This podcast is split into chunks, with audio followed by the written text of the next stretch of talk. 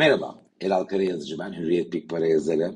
Ee, yılın ilk ayının ilk yarısını geride bıraktık. Dünyada borsa endekslerindeki seyirle Türkiye'de Borsa İstanbul'un seyri arasında çok büyük bir fark var. %8 dünya borsalarında bir yükseliş gördük biz e, bu periyotta. Türkiye'de ise %9.3'lük bir kayba şahit olduk. Şimdi bu çok şaşırtıcı değil çünkü 2022 yılında da BIST özgün bir hareket içindeydi. Ee, geçen sene dünya borsaları dolar bazında %20 ortalama kayba imza atarken BIST %100'ün üzerinde dolar bazında yine bir getiriye sahne olmuştu. Neden kaynaklanıyor bu farklılaşma? Bir kere 2022'nin sonbaharından itibaren biz mevduat okyanusundan Borsa İstanbul'a yönelen e, çok ciddi bir yatırımcı kitlesiyle karşılaştık. Hatta bu sona ermiş değil aslında devam ediyor. Veriler haftalık olarak açıklanıyor ve geride bıraktığımız haftada da yaklaşık 90 bin yeni yatırımcının Borsa İstanbul'a geldiğini görüyoruz. Buna rağmen fiyatlar aşağı geliyor iki haftadır. Endeks kabaca 5500 puanla geçen haftayı noktalamıştı. İlk gün 2023'ün e, ilk gününde 5700'ü de imzaladı. Fakat son kapanış 5000 puanın hemen altında. E, geçen haftanın içinde 4600 puanda e, test edilmişti. Burada bir haber, bir faktör değişikliğinden e, bağımsız şekilde bence teknik olarak bir e, kırılma gerçekleşti. Adeta durursan düşersin kuralı devreye girdi. Teknik analizde e, belli bir ivme kaybı olduğunda otomatik olarak satışa geçen aktörlerin ki bunlar yeni yatırımcılar değil bence ağırlıkla BIST'teki eski yatırımcılarla teknik analizi yoğun kullanan BIST adeta bu e, farklı eğilimi ortaya koydu. Ona ne oldu? İleriye doğru bakalım dersek ben önümüzdeki haftalarda dünya borsalarında yükselişin sürmesi ihtimalini daha yüksek buluyorum. Eğer biz ilk çeyrek içinde ilave %10'luk bir artışla karşılaşırsak dünya borsalarında BIST'te de yatay veya hele de %5'lik bir ilave iskonto e, tabelaya yansırsa bu noktada BIST'in diğer borsalara kıyasla o çok yüksek fiyatlarla işlem gördüğü tablonun ortadan kalkacağını, her ne kadar BIST diğer borsalara göre e, çok ucuz diyebileceğimiz bir durum olmasa da pekala küresel e, aktörler için Borsa İstanbul'un bir seçenek haline gelebileceğini düşünüyorum. Bunun ne faydası var? Şöyle bir yararı var.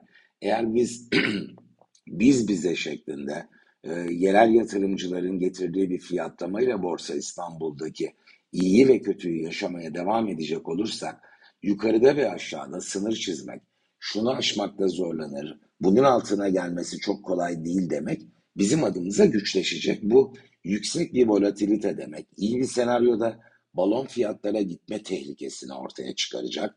Kötü bir senaryoda çok daha e, temelsiz düşüşlerin zemin kazanmasına neden olacak. O yüzden denge sağlayıcı küresel aktörlerin bir noktada Borsa İstanbul'a geri dönmesinin e, ben e, yatırımcılar adına da avantaj olacağını düşünüyorum. Öte yandan Türkiye ekonomisi adına bir yabancı sermaye girişini sağlayacağı için de elbette rezerv adına bu destekleyici olur. Bugünlerin konusu değil ama başta da ifade ettiğim gibi önümüzdeki hafta veya aylarda %10-15 kadar ilave bir e, ayrışma e, gerçekleşirse BIST aleyhine bu noktadan itibaren yabancılar devreye girebilir. Peki buraya kadar neler olabilir? Bir kere 5500 puan civarında bir maliyete sahip olan son iki ay BIST'e katılmış olan yatırımcılar ana paradan daha düşük değerlere yatırımları gerileyince muhtemelen bir demoralizasyon içindeler ve onların bir bölümü maliyetimi bulsam da çıksam gibi bir şartlanmaya girmiş olabilir.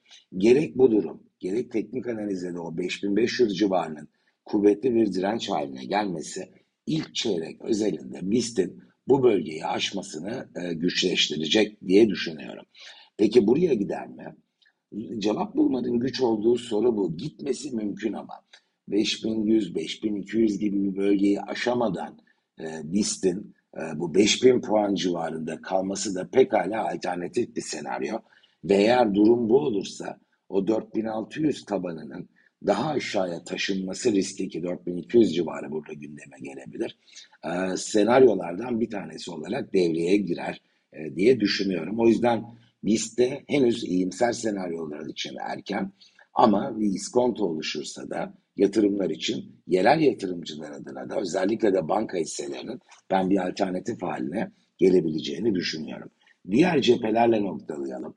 Altın kendi dünyasının lideri 2023'ün ilk e, iki haftalık kısmında yüzde beşlik bir getiriye imza attı.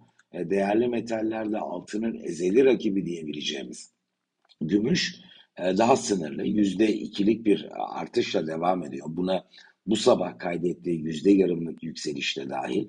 E, ben bu cephede altında 2025 dolar, gümüşte 27 dolar civarının ilk çeyrek içinde test edilmesi durumunda artık bu güçlü rallinin de bir, bir mola zeminini kazanacağını, o yüzden pupaya erken bir hareket yerine bu tip bir direnç bölgesi testini takiben değerli metallerde de ölçülü geri çekilmeler geçici de kalsa veya yerinde say uygun adım marş tadında e, fiyatlamaların e, tabelaya yansımasının mümkün olacağını düşünüyorum.